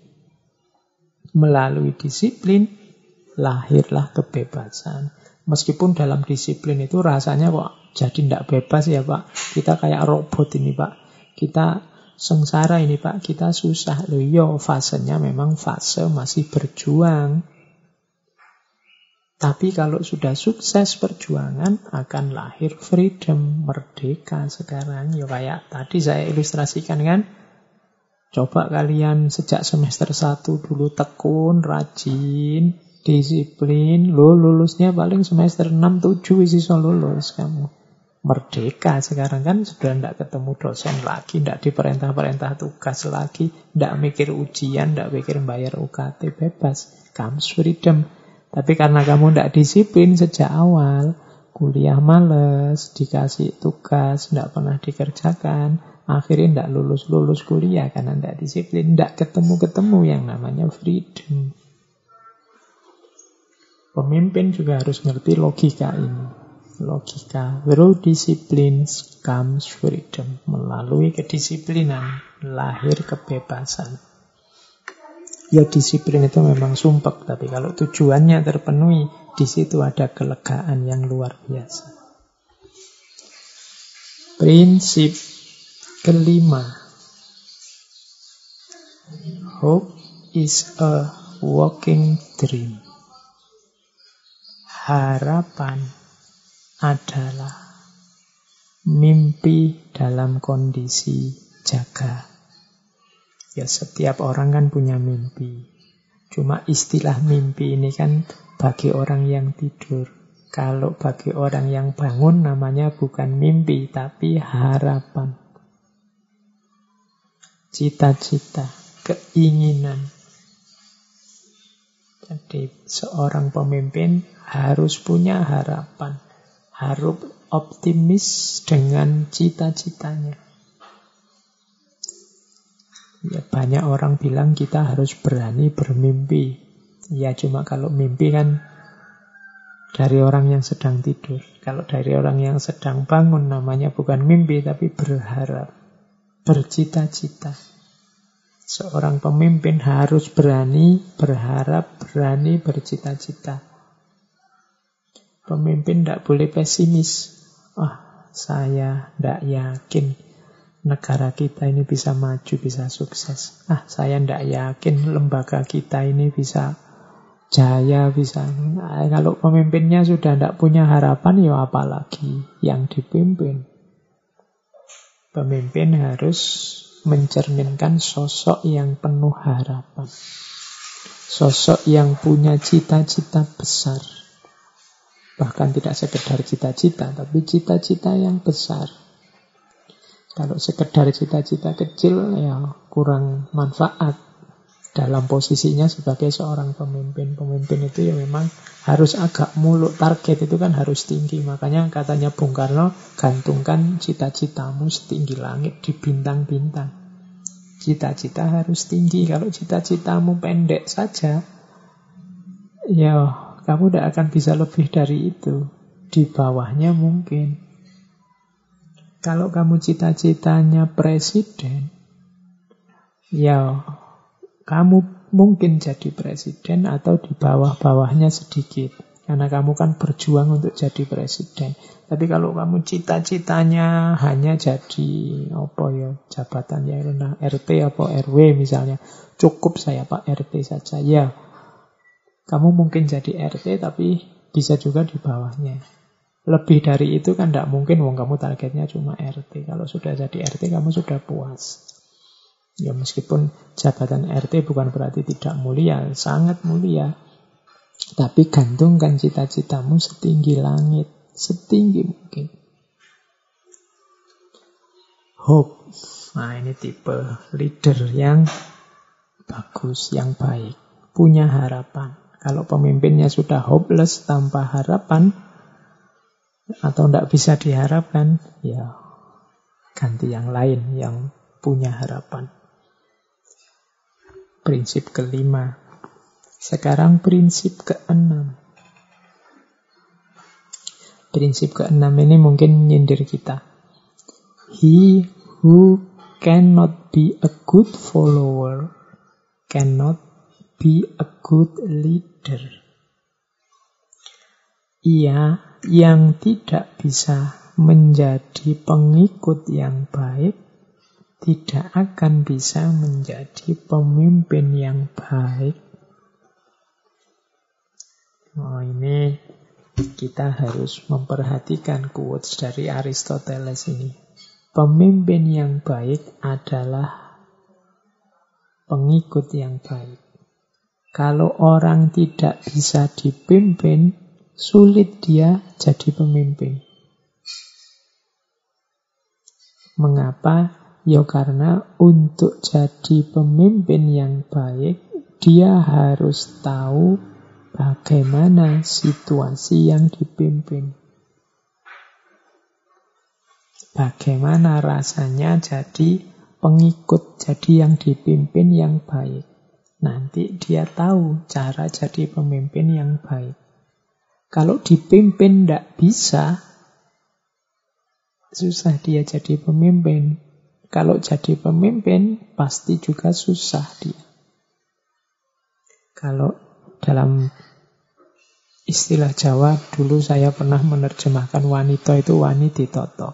Wanita toto yang tidak dalam konotasi negatif, tapi dalam konotasi positif. Bahwa banyak orang yang kalau nata dia kalau mimpin merentah dia bagus, tapi waktunya dipimpin, waktunya diperintah dia lemah sama sekali. Banyak tipe-tipe orang yang kalau disuruh-suruh tidak mau, maunya nyuruh saja. Nah ini berarti dia bukan good follower. Kalau bukan good follower, dia juga bukan good leader. Dia tidak ngerti cara jadi orang biasa, maka ya dia akan kesulitan jadi orang yang istimewa. Jadi awam saja tidak mampu, bagaimana dia jadi khawas. Jadi orang biasa saja tidak bisa, bagaimana jadi orang penting. Maka he who cannot be a good follower cannot be a good leader. Yang tidak bisa menjadi pengikut yang baik, tidak akan bisa jadi pemimpin yang baik. Ini rumus dari Aristoteles. Berarti apa?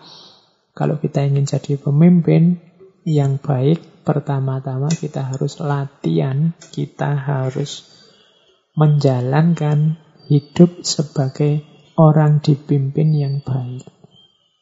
Orang dipimpin yang baik itu kan patuh pada aturan, taat pada keputusan bersama, mau menjalankan apa keputusan-keputusan kelembagaan itu berarti dia good follower. Orang yang seperti ini nantinya dia akan bagus jadi good leader.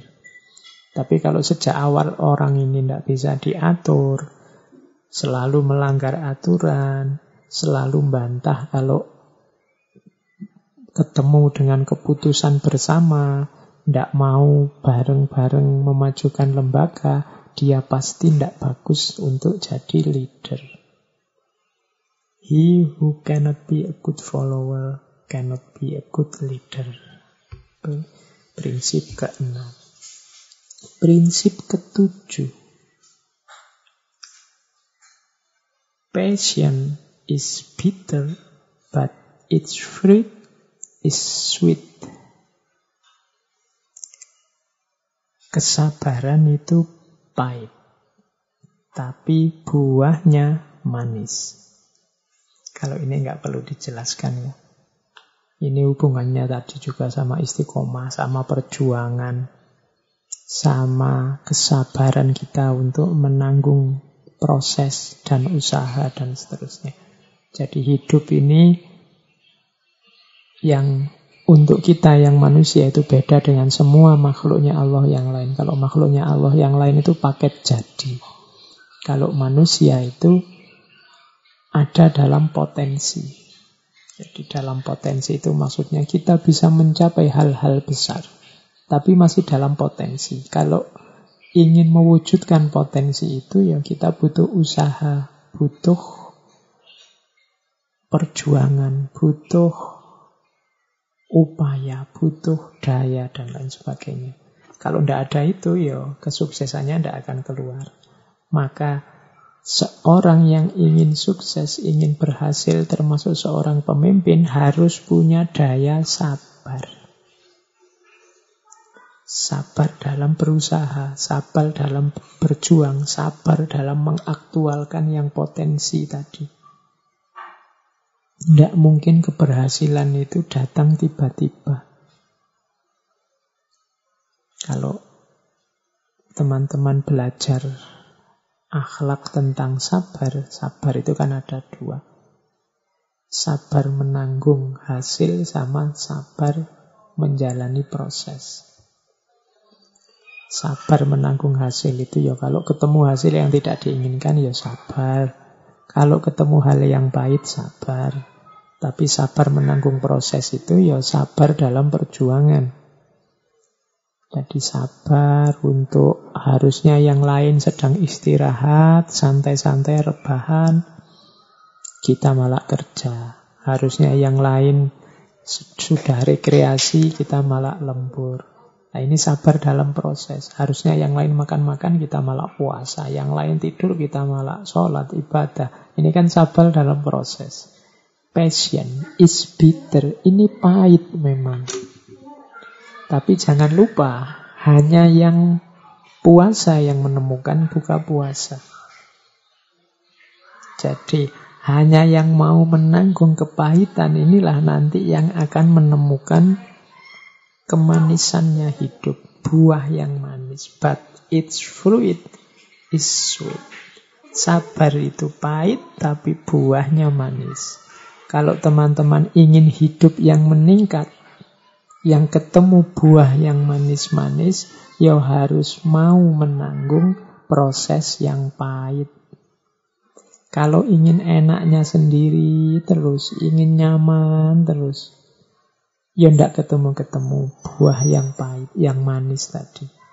Kenapa kita ndak mau rasa pahit? Kalau ndak mau minum obat yang pahit, ya sakit kita ndak akan hilang. Jadi seorang pemimpin harus punya kesabaran dalam proses. Mungkin dalam perjuangan itu dikritiki orang, diserang kiri kanan. Ya sabar.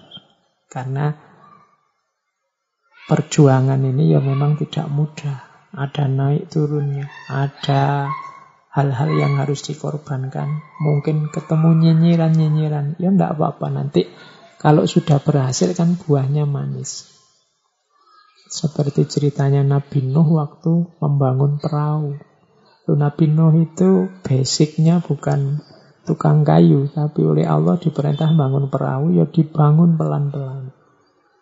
Berat pastinya bagi Nabi Nuh. Dicemooh kiri kanan. Musim kayak gini di negara mana kok ya bikin perahu. Orang melecehkan, orang mencemooh, tapi buahnya manis waktu banjir bandang terjadi. Satu-satunya tempat selamat, tempat berlindung ya kapalnya Nabi Nuh. Sekarang ketemulah fruitnya, buah dari passion tadi, buah dari sabar, menanggung proses. Maka bagi teman-teman yang ini kan yang muda-muda hampir semua sebenarnya fasenya fase perjuangan. Berjuang kuliah, berjuang nyari kerja, mungkin berjuang nyari istri, atau berjuang apa saja yang lain, kalian akan ketemu momen-momen pahit dalam hidup. Tapi tidak masalah. Pahitmu akan berbuah manis. Kecuali kamu tidak sanggup, tidak mau menjalani rasa pahit itu ya. Kamu tidak akan ketemu buahnya. Berarti tidak mau berjuang. Pemimpin yang baik harus siap berjuang dan sabar dalam perjuangan sehingga buahnya nanti manis. Prinsip kedelapan bagi seorang leader. Ini quote juga dari Aristoteles. To avoid criticism, say nothing, do nothing, be nothing. Ini sebenarnya quote nyinyir, quote nyindir kita. Yang kadang-kadang anti kritik. To avoid criticism, ya kalau kamu ingin menghindari kritiknya orang, say nothing, tidak usah ngomong apa-apa. Do nothing, tidak usah melakukan apa-apa. Be nothing, tidak usah jadi apa-apa. Ini nyindir kita termasuk para leader, ya jangan alergi dengan kritik.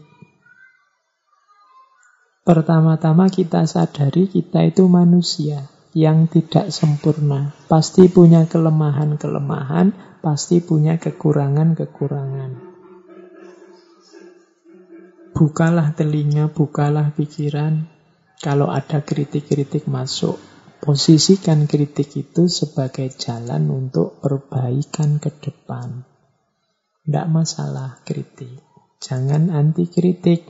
Kalau tidak mau dikritik orang, katanya Aristoteles, tidak usah ngomong apa-apa, tidak usah melakukan apa-apa, tidak usah jadi apa-apa.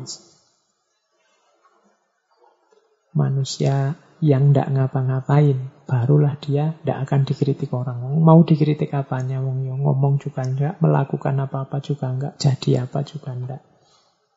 Ini maksudnya Aristoteles ya, siaplah selalu menerima kritik. Tidak apa-apa orang mengkritik berarti orang peduli dengan kita. Kecuali memang kita sama sekali menghindari kritik, ya berarti tidak usah ngomong apa-apa, tidak usah melakukan apa-apa, tidak usah jadi apa-apa. Selama kita tidak melakukan apa-apa, tidak ngomong apa-apa, tidak jadi apa-apa, tidak akan ada kritik, percayalah. Tapi pemimpin kan tidak mungkin tidak begitu. Masuk pemimpin tidak ngomong apa-apa. Masuk pemimpin tidak melakukan apa-apa. Masuk pemimpin tidak mewujudkan apa-apa. Pasti dia akan bertemu dengan kritisisme, dengan kritik-kritik. Tidak boleh alergi dengan kritik. Posisikan itu sebagai jalan untuk kebaikan dan perbaikan ke depan. Jalan untuk naik kelas.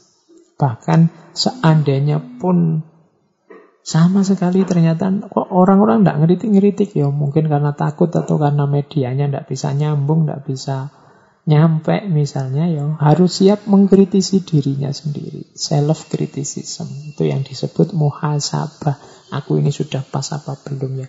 Aku ini menyakiti orang apa enggak sih? Aku ini menyusahkan orang apa enggak sih? Itu namanya self criticism. Mengkritisi diri. Kalau dalam agama disebut muhasabah. Terus prinsip kesembilan bagi seorang leader. Liars, when they speak the truth, are not believed. Para pembohong itu saat mereka mengucapkan kebenaran tidak akan dipercaya. Prinsip kesembilan ini bagi seorang pemimpin adalah your ringkesnya Jangan jadi liars.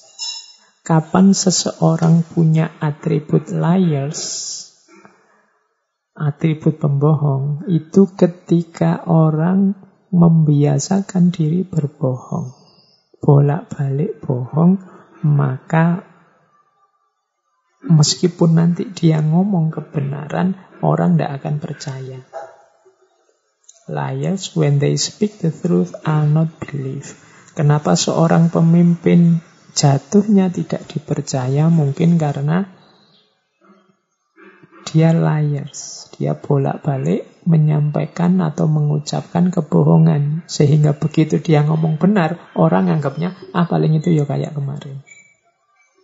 Nah, ini hati-hati para pemimpin, ucapkan saja hal-hal yang benar, yang baik, yang realistis. Jangan sering-sering berbohong, karena ketika kita bohong, Nanti orang jadi apatis, gak percaya sama kita. Allah biasanya ngapusi wae.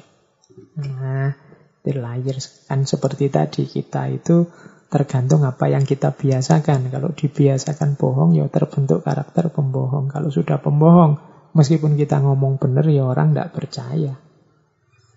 Itu kayak ceritane cerita anak-anak itu loh, kayak di Upin Ipin itu loh, ketika ada seorang penggembala, angon kambingnya, terus satu ketika dia merasa sepi, ingin bikin rame ah, terus bikin koro-koro, wah ada serigala.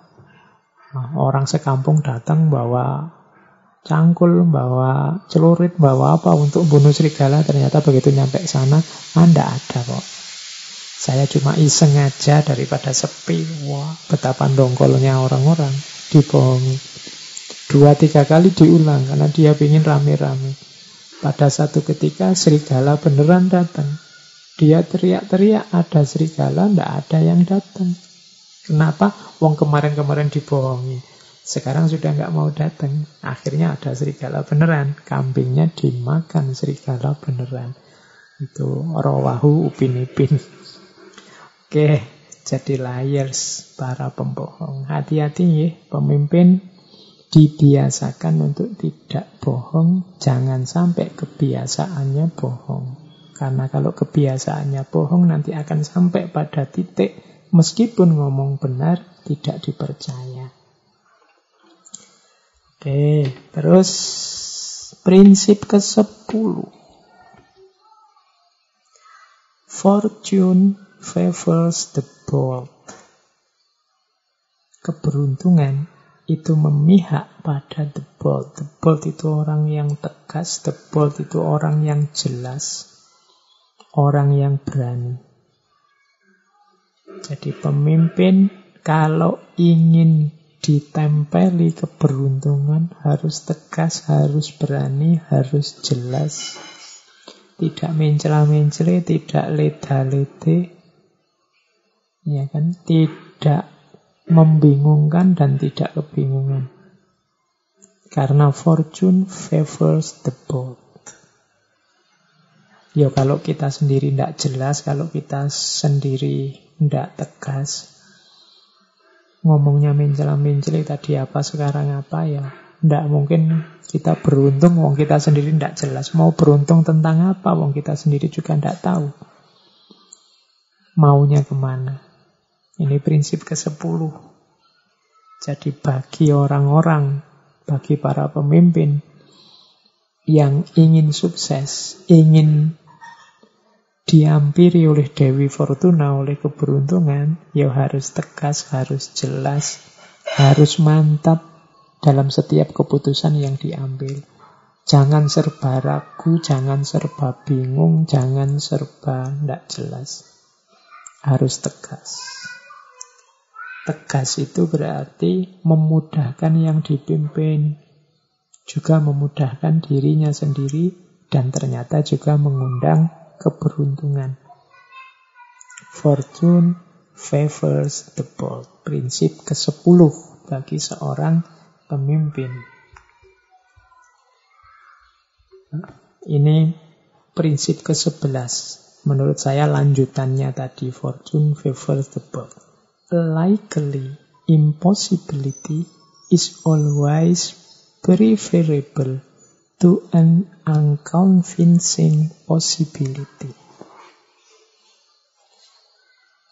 Jadi, ketidakmungkinan yang disukai, yang diminati, yang diinginkan is always preferable. Itu lebih diminati dibandingkan unconvincing possibility, kemungkinan yang tidak meyakinkan. Tidak tegas, tidak jelas. Misalnya begini, kita jadi pemimpin. Terus matok cita-cita keinginan yang rasanya tidak mungkin. Misalnya, Indonesia ini lima tahun ke depan akan memimpin peradaban. Itu kan impossibility dalam tanda petik ya.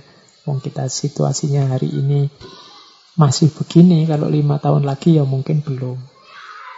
Tapi kalau ketidakmungkinan ini disampaikan secara likely, secara tegas, mantap, jelas, sehingga disukai orang, ayo kita berjuang lima tahun ke depan.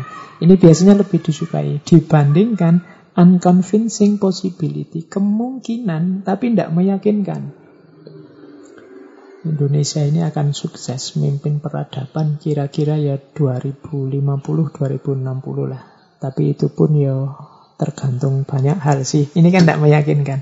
Kalau tidak meyakinkan ini orang tidak prefer. Orang tidak akan suka, tidak akan cenderung ayo masih tidak jelas juga kok. Mending yang tidak mungkin tapi mantep tegas. Mungkin punya strategi yang jelas. Ini likely impossibility. Saya kuliah ini Pak, kemarin baru daftar. Saya merancang tiga, sem uh, tiga tahun selesai, semester enam selesai. Orang kan terus sebenarnya ya kalau lihat performa saya selama ini ini kayak tidak mungkin. Wong saya SMA itu ya ranking 40 pak. Tapi kuliah saya ingin lulus cepat karena saya punya strategi ini loh A B C D. Ini orang lebih bagus ini, lebih disukai ini daripada possibility yang unconvincing. Mungkin, tapi tidak yakin. Saya ya target kuliah lima tahun lah Pak, realistis. Tapi itu pun saya tidak tahu karena kemungkinan saya juga ingin sambil kerja ya. Apalagi nanti kalau sudah punya pacar apa ya bisa ya Pak lima tahun. Oh, kamu sendiri tidak yakin, tidak unconvincing. Berarti tidak preferable. Kalian nanti kalau jadi pemimpin juga begitu. Boleh kalian matok cita-cita yang rasanya kok impossible, tapi dengan skema yang kamu bikin, dengan target-target yang kamu rancang, jadi seolah-olah itu bisa dicapai. Ini orang lebih suka daripada sebenarnya itu mungkin dicapai, tapi kamunya yang tidak meyakinkan. Jadi seorang leader harus memahami hukum ini. A likely impossibility is always preferable to an unconvincing possibility. Berarti kuncinya tadi, engkau yang mantap, engkau yang debot tadi, yang jelas, yang tegas, punya skema rancangan yang jelas sehingga orang meskipun itu rasanya tidak mungkin tapi bisa saja terjadi. Yeah, ini prinsip yang ke-11. Terus, prinsip yang ke-12. Ini penting untuk pemimpin. To run away from trouble is a form of cowardice. And while it is true that the suicide, suicide brave death, he does it not for some noble object but to escape some ill. Lari dari kesulitan itu adalah sebentuk sifat pengecut. Meskipun benar bahwa bunuh diri itu adalah menunjukkan berani menghadapi kematian, tapi orang yang melakukan bunuh diri itu tidak melakukan sesuatu yang mulia. Dia hanya lari dari rasa sakit. Prinsip yang ke-12 ini mewanti-wanti kita, termasuk calon pemimpin dan para pemimpin, untuk tidak lari dari kesulitan. Hidup ini tidak mungkin mulus seperti yang kita inginkan lancar-lancar saja. Selalu akan ada kesulitan. Hadapi kesulitan itu, taklukkan kesulitan itu. Jangan jadi pengecut. Saya berani kok Pak menghadapi masalah dan masalah itu saya hadapi dengan lari dari masalah. Enggak. Itu bukan lari, itu bukan menyelesaikan masalah, tapi lari dari masalah. Tidak ada mulianya kamu lari dari masalah. Diilustrasikan oleh Aristoteles, kayak orang bunuh diri itu. Bunuh diri itu kan rasanya dia pemberani, berani menghadapi kematian. Tapi yang dia lakukan tidak mulia. Dia hanya menghindari masalah. Masalahnya tidak selesai, tetap ada. Kalau engkau lari dari masalah, engkau pengecut. Masalahnya tetap ada, meskipun kamu beralasan saya berani pak, berani lari. Tidak. Kamu sedang menghindari masalah, bukan menyelesaikan masalah. To run away from trouble is a form of cowardice. Jadi lari dari kesulitan adalah ciri seorang pengecut. Jangan jadi pengecut, selesaikan masalah. Apalagi engkau pemimpin. Kalau pemimpinnya lari dari masalah, gimana dengan yang dipimpin? Terus, prinsip ke-13, tolerance and apathy are the last virtues of a dying society.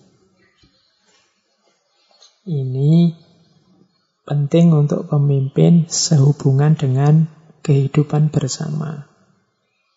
Toleransi dan apati adalah kebajikan terakhir dari dying society, masyarakat yang mau ambruk. Lembaga yang mau runtuh, institusi yang mau jatuh. Ketika misalnya ya teman-teman jadi pemimpin satu lembaga, satu institusi, satu organisasi. Mungkin dia sudah kacau, sudah tidak karu-karuan ruwet, sudah menjelang kejatuhannya. Penopangnya sebenarnya tinggal dua, yaitu toleransi dan apati. Kalau ini saja tidak ada, ya sebentar lagi pasti hancur organisasi itu. Toleransi itu berarti menerima perbedaan. Jadi toleransi itu senjata terakhir Kenapa? Karena tidak mungkin kita menghindari perbedaan. Hidup ini plural pasti. Macam-macam. Baik secara individual maupun secara sosial. Hidup ini macam-macam isinya. Kalau orang tidak menerima perbedaan, menerima ada yang berbeda, ini sebentar lagi alamat society-nya akan mati. Kehidupan bersamanya akan hancur. Tanpa disangka oleh toleransi. Atau paling apesnya apa? Apati. Apati ini ya juga last virtus, kebajikan terakhir. Apati itu sebenarnya makna letternya cuek. Sudahlah suka-suka mulah kamu mau apa. Asal kita tidak saling ganggu. Itu apati. Lana akmaluna walakum akmalukum lakum dinukum waliyatin urusanmu urusanmu agamamu agamamu agamaku agamaku. Nah, ini last virtus, kebajikan terakhir, termasuk toleransi. Kalau dua ini saja tidak ada, ya sudah. Paling ya isinya terus jadi hancur masyarakat kita, konflik. Kalau bisa ya di atas itu, kalau bisa ya tidak sekedar toleransi, tapi juga saling memahami, saling mendukung untuk hal-hal yang memungkinkan kerjasama. Tidak sekedar apati, tapi juga saling mengerti, saling memberi ruang, saling bekerja sama dan seterusnya itu lebih dari itu. Tapi seandainya itu tidak ada, minimal harus ada toleransi ini. Karena dia penyangga terakhirnya kehidupan masyarakat. Pemimpin juga berarti harus mengupayakan dua hal ini. Kebersamaan tidak mungkin bisa dibangun tanpa fondasi paling dasar namanya toleransi dan apati. Ini pendapatnya Aristoteles. Terus ah, waktunya sudah mau berakhir. Yang keempat belas, it is the mark of an educated mind to be able to entertain a thought without accepting it. Adalah ciri dari pikiran yang terdidik untuk mampu menjelaskan, mampu menikmati entertain mampu menghibur, mampu memetakan, mampu menjelaskan satu pikiran tanpa menerimanya. Jadi Pemimpin harus punya pikiran terbuka, pemimpin harus, kalau di situ istilahnya bukan pikiran terbuka, tapi educated mind. Jadi pikiran yang terdidik.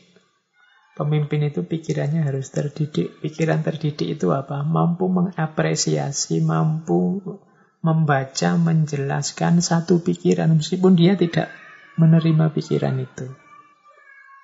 Ya contohnya gini, misalnya kalian pemimpin, oh gagasan itu saya paham maksudnya.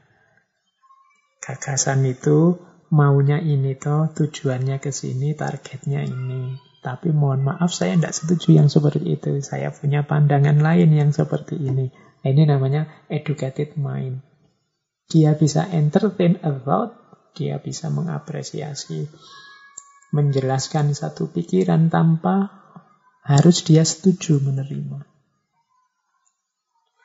Persis seperti Imam Ghazali. Imam Ghazali itu bisa menjelaskan filsafat dengan sangat baik, meskipun nanti dia mengkritisi filsafat.